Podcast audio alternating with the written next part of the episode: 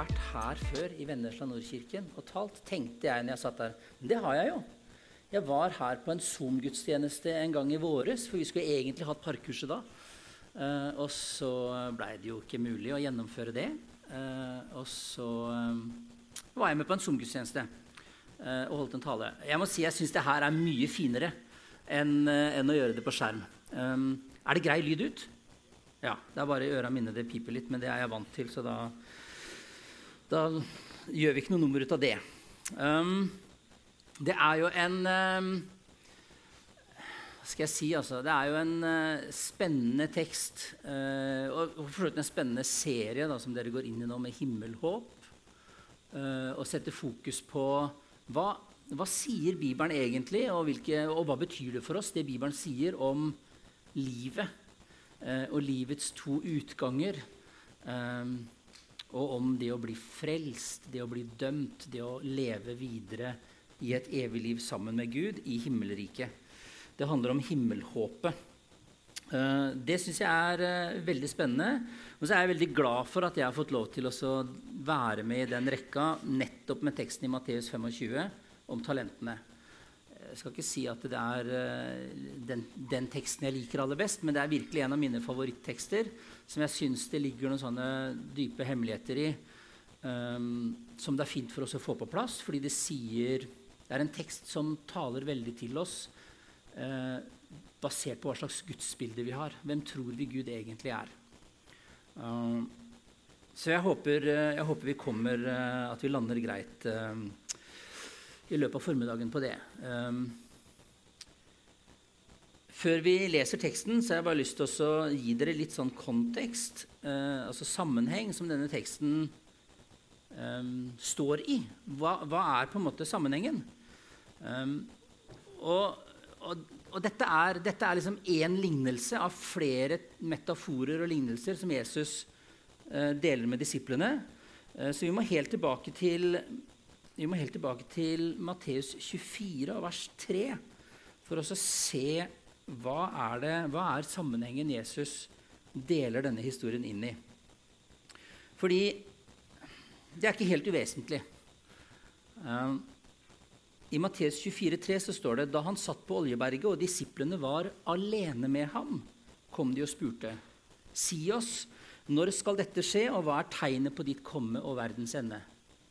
Og så begynner Jesus å legge ut ulike lignelser og metaforer om hva som skal skje, og hvordan de skal kunne forholde seg til at han kommer tilbake.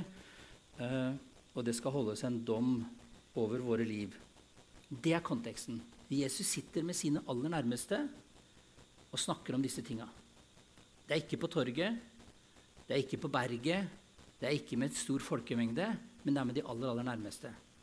Og I Markus så Markus, når han skriver om noen av de samme lignelsene, så står det faktisk at Jesus var alene med Peter, Jakob, Johannes og Andreas. Og så la han ut disse tingene. Så det er, det er den aller innerste sirkelen av disipler som Jesus deler hemmeligheter med. Som Jesus deler noen sannheter med om hvem han er, og hvordan de skal forholde seg til hans gjenkomst. Jeg syns det er litt vesentlig for å få på plass uh, utfordringene i det som er her. Fordi på torget så demonstrerer Jesus eh, Guds rikets nærvær. Eh, på gata, i nabolaget, i, i, eh, på den åpne plassen. I møte, med, I møte med deg eller den som ikke vet helt hva, hva skal jeg tro på. Og jeg vet jo ikke, vet jo ikke hvem du er som, som, er her i dag. Jeg kjenner noen få av dere. Um, men men i den kirka som jeg går i, så tenker vi liksom gudstjenesten er et torg hvor alle slags mennesker samles. Så, så, hvis du er her på besøk og tenker at ja, men jeg vet ikke helt hva jeg skal tro på jeg, jeg, jeg regner meg ikke som en del av den aller innerste sirkelen rundt Jesus og deler hemmeligheter med han. Så, så, må du bare bære over med meg, og så må du se på det jeg driver med, og så kan du gå ut og tenke ko-ko. Det er helt greit. Eh, eller du kan snakke med en av de andre som er her som du kjenner godt, og så kan du finne er han koko, eller hva tenker du om det? Og så, og så må du prøve å lande det eh, der. Men, men, på torget så, så, sier Jesus, så har han liksom én sånn proklamasjon som han gjentar igjen og igjen, og det er 'Himmelriket er kommet nær'. Nå er tiden inne. Guds rike er nær. Er Jesu proklamasjon i offentligheten. Og hva er, hva er uh, Guds rike som har kommet nær i Jesus' kontekst her? For der snakker han ikke om dommedag og at, og at evigheten liksom skal starte der framme en gang. Nei, der snakker han om at evigheten har kommet hit, nå. Og han snakker ikke om at Guds rike er nær som i at det i nærheten eller kommer snart. Han snakker om at det er tilgjengelig. På engelsk så oversettes de skriftstedene med at uh, nå er tiden inne, himmelriket er at hand. The kingdom of heaven is at hand. Det er, det er tilgjengelig. Du kan gripe det. Det er, det er herfra og inn. Det er, det er, tett på, og der du er. Og himmelriket, eller Guds kongedømme, altså Guds rikets ressurser, Guds nærvær, hans kjærlighet, hans kraft, hans evne til å forvandle liv, til å skape liv der det er dødt, til å helbrede det som er sykt, til å forandre det som er nedbøyd, og reise det opp igjen og skape liv. Det er Jesu offentlige proklamasjon. Men jeg vil ha med det inn i det her fordi, fordi det henger sammen med den teksten vi skal lese. Um, for det henger sammen med de talentene som den teksten handler om. Men det er Jesu proklamasjon til deg som ikke vet hva du skal tro på. Nå er himmelriket tilgjengelig. Nå kan du gripe det. Nå kan du få ta del i alt det som jeg har til de som vil følge meg. Av kjærlighet, av gjenopprettelse osv. osv. Alene med disiplene så er han opptatt av ikke mist fokus på det viktigste. Ikke mist fokus på det viktigste. Hold dere tett inntil meg. Dere kommer til å høre mer om det søndagene som kommer. Men han inviterer til fellesskap om seg. Og vi ser det i noen av de tekstene som, som henger sammen med dagens tekst. Eh, at han ønsker å holde de tett på seg, og at ikke de skal miste fokus, ikke miste av syne hvem han er. Da leser vi fra Matteus evangeliet kapittel 25 og vers 14. Himmelriket, eller min gjenkomst, det er som med en mann som skulle dra utenlands. Han kalte til seg tjenerne sine og overlot dem alt han eide. Én ga han fem talent, en annen to, en tredje én. Etter det hver enkelt hadde evne til, så reiste han. Han som hadde fått fem talenter, gikk straks bort og drev handel med dem og tjente fem til. Han som hadde fått to talenter, gjorde det samme og tjente to til. Men han som hadde fått én talent, gikk og gravde et hull i jorden og gjemte sin herres penger. Da lang tid var gått, kom tjenernes herre tilbake og ville holde regnskap med dem. Han som hadde fått fem talenter, kom fram og hadde med seg fem til og sa, 'Herre, du ga meg fem talenter. Se, jeg har tjent fem talenter til.' Herren hans svarte, 'Bra, du gode og tro tjener. Du har vært tro i lite. Jeg vil sette deg over mye. Kom inn til gleden hos din herre.' Og så han med to talenter kom og sa, 'Herre, du ga meg to talenter, og se, jeg har tjent to til.' Herren hans svarte, 'Bra, du gode og tro tjener. Du har vært tro i lite. Jeg vil sette deg over mye. Kom inn til gleden hos din herre.' Så kom også han fram som hadde fått én talent, og sa, 'Herre, jeg visste at du, at du er en hard mann, som høster hvor du ikke har sådd, og sanker hvor du ikke har strødd ut.' Derfor ble jeg redd og gikk og gjemte talenten din i jorden. Se, her har du ditt. Men Herren svarte ham, du dårlige og late tjener. Du visste at jeg høster hvor jeg ikke har sådd, og sanker hvor jeg ikke har strødd ut. Da burde du ha overlatt pengene mine til dem som driver med utlån så jeg kunne fått dem igjen med renter når jeg kom tilbake. Ta derfor talentet fra ham og gi den til ham som har fått de ti.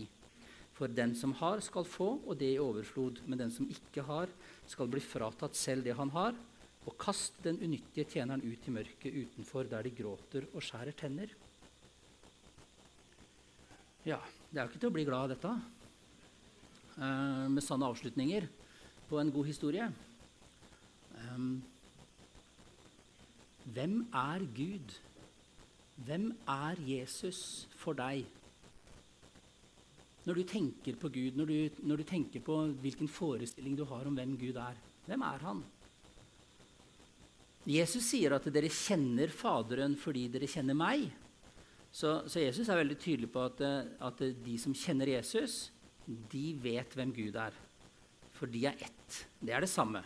Sånn Jesus framstår, Sånn er Faderen. Ikke noe mer og ikke noe mindre. Akkurat sånn. Og Her er han kjempetydelig. Johannes 13. Philip spør, 'Vis oss Faderen.' Og så sier Jesus, 'Ja, men du kjenner jo meg.' Sånn er Faderen. Hvem er Gud? Hva slags Gud har vi? Og det, det er litt sånn interessant hvordan mennesker som Jeg har ei venninne som er fullstendig eh, fremmed for kristen tro. Hun har vokst opp i et ateistisk hjem hvor, eh, hvor eh, ingenting skulle presenteres av det som hadde med kristen tro å gjøre. Hun har blitt, hatt fritatt, hun er 40 år nå, ca. vært fritatt for kristendomsundervisning i hele sitt skoleløp. Og tenkte jeg vet hva kristendom er, men det tenkte hun etter hvert at det vet jeg jo ikke, for jeg kjenner jo ingen kristne. Jeg har ikke hørt noen ting om hva kristne tror på. Så hun begynte å lese i Bibelen, og så etter hvert så ble hun kjent med meg. Uh, ikke fordi hun leste i Bibelen, men uh, via noen felles venner. Og så skjønte jeg at hun var veldig nysgjerrig på det her med, gutt, med liksom Bibelen og kristendommen. og sånn, Så jeg spurte skal vi lese Bibelen sammen. Og så sa ja, det hadde vært fint. Så vi møttes i et par år og leste Bibelen sammen en gang i uka. Og jeg tenkte i utgangspunktet så tenkte jeg hun har ganske gode forutsetninger for å få et bra gudsbilde. Og Så leste vi noen bibeltekster, og så kommer det sånn der, Ja, det var det jeg visste. Han var sint. Ok, Så du har et bilde av hvem Gud er. Ja, er ikke han han der sinte som en dag kommer og liksom ødelegger alt? Så hun har altså et bilde av at Gud er sint. Og det ødelegger bibeltekstene for henne. Det gjør at hun får ikke tak i hva, hva som står her. Eller når vi leser om den bortkomne sønnen, så leser vi, så leser vi jo ikke bare om den bortkomne sønnen, vi leser også om den hjemmeværende sønnen. ikke sant? Det er to sønner i den historien. Lukas 15. Vi skal ikke lese hele historien, men, men i historien om den bortkomne sønnen så er det tre personer. og Én er ute og tar for seg alle livets muligheter. Forspiller alt han har fått. Den andre holder seg hjemme, gjør det beste han kan med det han tror er rett. Prøver å oppfylle alle de forventningene han tenker at far har til han. Og så er det faren som uh, lengter. Etter begge to, egentlig. For den ene er, har reist til storbyen, og den andre er på åkeren eller oppe i fjellet eller ute med dyra eller i fjøset eller hvor han er hen opptatt med alt mulig annet. Han står og lengter. Kanskje litt passiv, han faren. da. Kan jo tenke at Han kunne jo vært litt mer på ballen, liksom, og gått en tur og lette til lillebror. Eller, men, men han, han, gjør nå ikke det da i historien.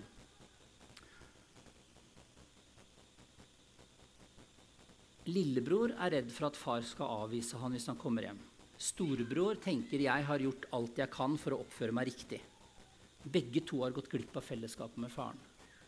Begge to har gått glipp av hvem far egentlig er.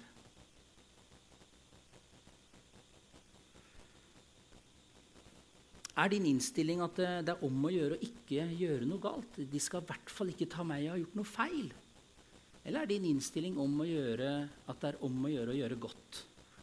Hva er, liksom din, hva er din go-to når du tenker på Gud? Hva er det Gud forventer av deg? Forventer han at du oppfører deg rett og riktig, at ingen kan ta deg og gjøre noe galt? Eller er din go-to å gjøre godt med det du har? Hva er din umiddelbare respons på hvem er Gud i livet ditt? Fordi det er på en måte det som er forskjellen på det er det som er forskjellen på det ene eller andre utfallet av denne historien. Han som fikk én talent, tenkte Jeg visste at du var hard. Jeg visste at du, du hadde evne til å samle der du ikke hadde tenkt å strø ut. Og du høster der du ikke har sådd. Så jeg ble redd. Mens de to første står det, gikk umiddelbart bort og, og, og omsatte det de hadde fått. Og når du omsetter noe, når du har fått penger og du omsetter noe, så da, da gir du det bort til noen andre. Det er det de gjør de fem talentene, de to talentene og de fem talentene, det de har gjort, er å få det ut til noen andre. Vi lever jo i verdens rikeste land. Og det norske oljefondet det, det er jo på et femsifra antall uh, milliarder. Det er jo hinsides svært. Innimellom så dukker det opp noen kommentarer av typen ja, vi burde gi det bort. Vi burde gi det bort til noen som trenger det. Vi burde, vi burde sørge for at det ble til, til, noe for andre. Og så er det sånn, ja, men det er jo ikke en sekk med penger som står liksom uh, i kjelleren på Slottet, og som gror. Pengene gis jo bort hele tiden. De gis bort hele tiden. Det er derfor det blir mer av de. Fordi det, det fylles på av, uh, av, våre oljeinntekter. Og det er nå én debatt. Men, men men oljefondet, det er, jo, det er, jo, hele poenget er at det gis bort til andre som driver med ting som gjør at det vokser og gror rundt dem. Det gis bort hele tiden. Vi har fått en hel enorm mengde med rikdom, og det gir vi bort til andre over hele verden. Sånn at pengene kan mangfoldiggjøres. Sånn at det kan bli til arbeidsplasser og innovasjon og ny teknologi. og Overalt på hele kloden så bruker vi penger for at det skal bli mer. Og Det er det disse to første gjør. De tar det de har fått, og så gir de det umiddelbart videre. Hva er det vi har fått? Hva er våre talenter? Vi har jo ikke fått en pengesekk av Gud. Vårt talent, vår rikdom, det er jo de gode nyhetene. Det er overskudd til å gjøre godt for andre. Eller underskudd, for den saks skyld. Men, men det vi har, det har vi fått for å gi videre til andre om det er gjestfriheten vår, eller om det er budskapet vårt om Guds rike, eller hva det måtte være. Om det er trøst til den som sørger, eller om det er mat til den som sulter, eller om det er klær til den som fryser, eller om det er Guds gode nyheter om at himmelriket er nær og tilgjengelig for den som trenger å ta imot det, det er våre talenter. Det er det han har gitt oss. Og Så bekrefter jo Herren da i denne teksten at jeg kommer til å høste der jeg ikke hadde tenkt å så. Hvis du skulle finne på å øse ut et eller annet et sted hvor Gud kanskje ikke spesifikt sa til deg at 'der vil jeg du skal gjøre godt', men du gjorde godt der allikevel. Kanskje du snubla i beina til noen andre som skulle gjøre noe der, men du gjorde det allikevel.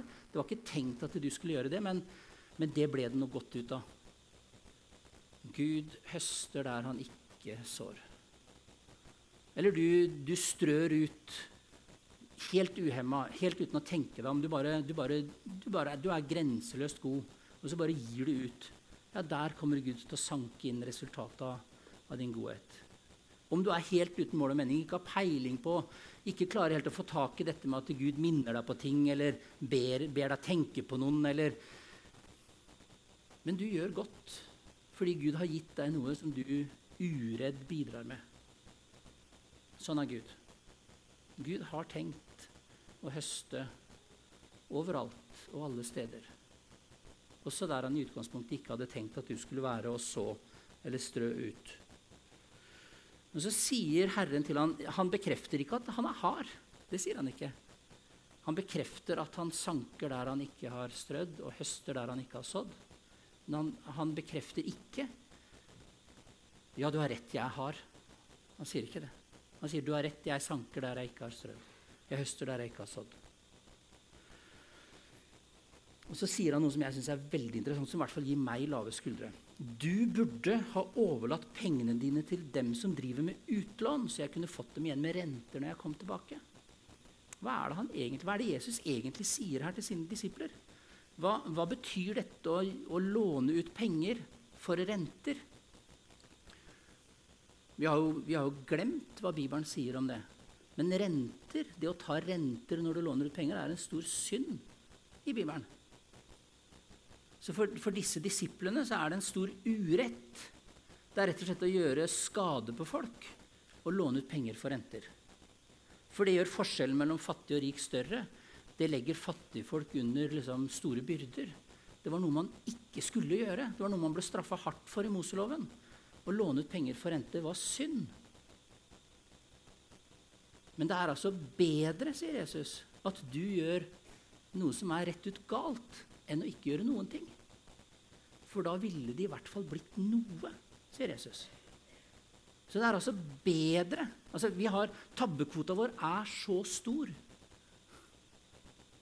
Så hvis din go-to er 'jeg må for all del ikke gjøre noe galt', så risikerer du å ikke få gjort det Gud egentlig har tenkt. Men hvis du ikke er redd, hvis du ikke er redd, hvis du har et gudsbilde av at, eh, at jeg kan komme til Gud med alle mine feiltrinn, så vil det bli til noe.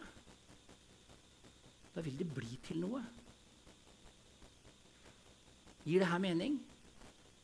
Mm, et par som nikker.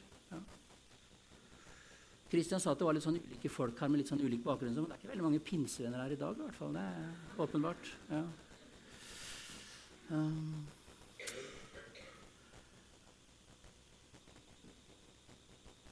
Noen ganger så, noen av oss blir så redd for å gjøre feil at vi ikke tør å gjøre noe som helst.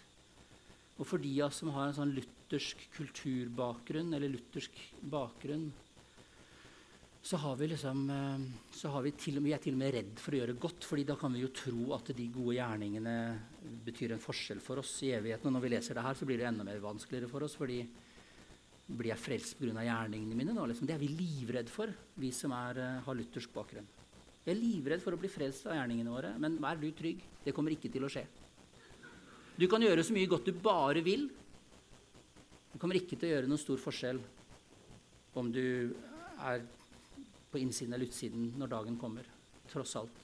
Det Jesus understreker igjen og igjen i flere av disse tekstene, er Gå bort, jeg kjenner deg ikke.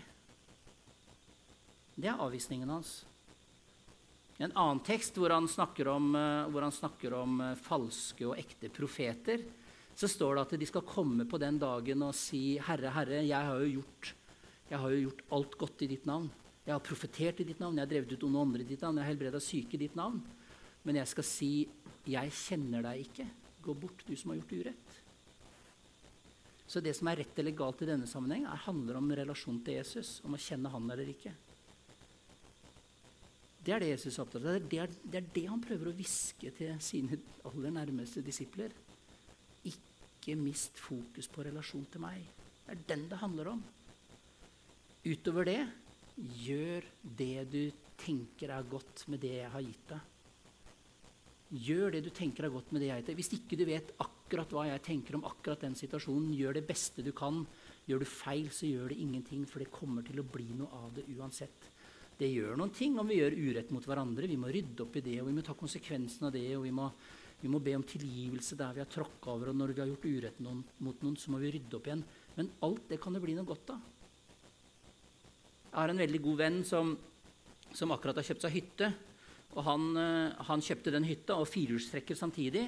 Uh, og han, uh, for den, Opp til den hytta var det en veldig bratt bakke, og han bestemte seg for at jeg, jeg må ha en bil så jeg kan komme opp til den hytta. Men den veien var ikke lagd for å kjøre bil på, og han klarte å rive ned en støttemur til en annen hytteeiendom ved siden av mens han holdt på med det her. Uh, og vi hadde jo advart den og sagt at det her kommer ikke til å gå bra. Ikke, den, veien er ikke lagd til å kjøre bil på. Ja, ja, men jeg har kjøpt firehjulstrekker. Det går bra. Han kom ikke opp. Og, men han kom ned igjen, da. Uh, og det gikk jo da, som dere skjønner, ikke helt bra, den nedturen. Um, og Så har det gått noen måneder, og så har han jo måttet snakke med den andre hytteeieren. Og så, og så skjer det noe ganske interessant, fordi, fordi det er ikke tvil om at uh, vår gode venn tråkker over noen grenser her i forhold til de andre hyttenaboene. Han tramper rett og slett litt uti det. Og så sier han det er ganske interessant, Dag, men jeg, jeg, var jo litt redd for hvordan naboen skulle ta det her. Sånn. Men, men, jeg kjenner jo at vi, vi, Nå har vi hatt masse kontakt med hverandre. Vi har gjort en del ting sammen. Vi har fått snakka gjennom disse tinga. Vi har bygd opp støttemuren igjen. Jeg kjenner at vi er i ferd med å liksom få en sånn veldig god relasjon.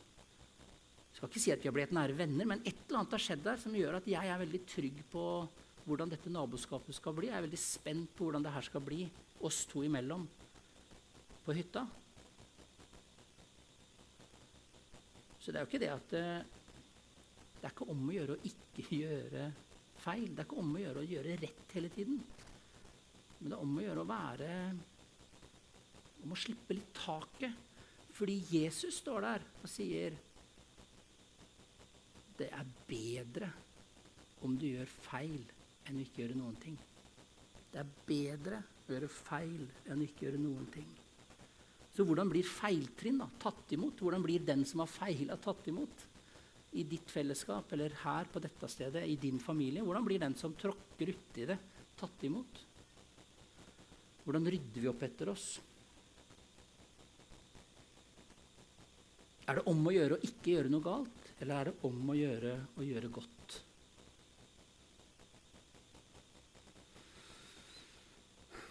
Så hva betyr dette da med at uh, du burde ha overlatt Eller hva betyr dette 'ta derfor talentet fram og gi det til den som har det i tid'? For den som har, skal få, og det i overflod. Men den som ikke har, skal bli fratatt selv det han har.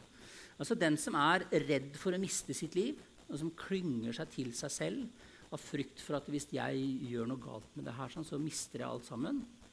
Her sier Jesus at den vil miste det. Den lever egentlig for seg sjøl. Den lever egentlig med seg selv i fokus. Og Det er det Jesus utfordrer oss på.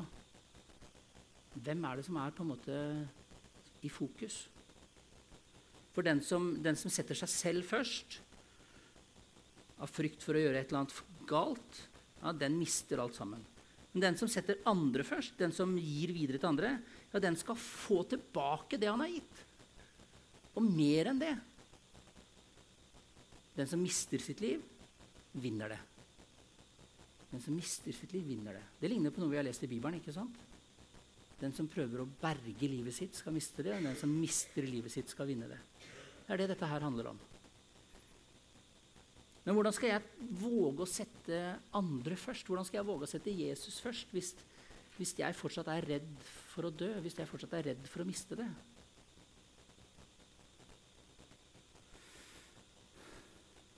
Jeg må komme til han, da. Jeg må huske det han roper på torget. Himmelriket er nær. Himmelriket er tilgjengelig for deg. Guds rike er tilgjengelig for deg. Jeg må gripe det. Jeg må venne meg til han.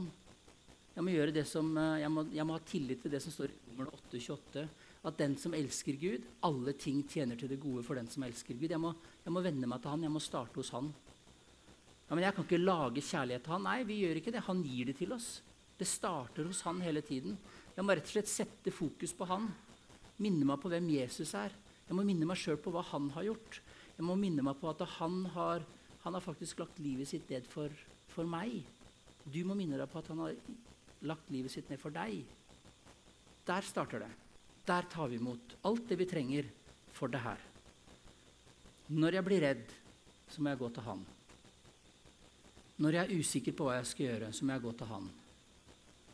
Uansett så må jeg tilbake til Han. Der starter det. Der skal det leves. Der fortsetter det. Og der slutter det. For himmelriket er nær ikke for noen noen ganger noen steder. Nei, himmelriket er nær for alle, overalt, hele tiden. Han er tilgjengelig overalt, for alle, hele tiden. Skal vi be kort sammen.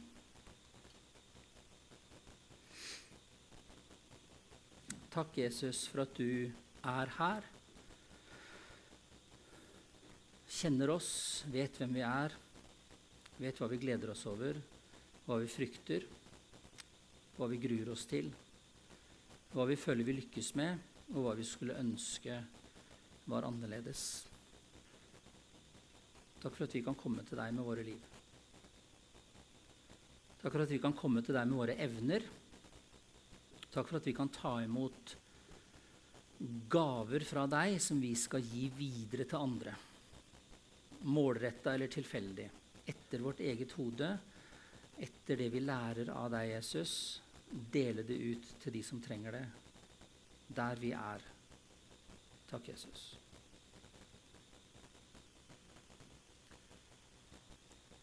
Amen.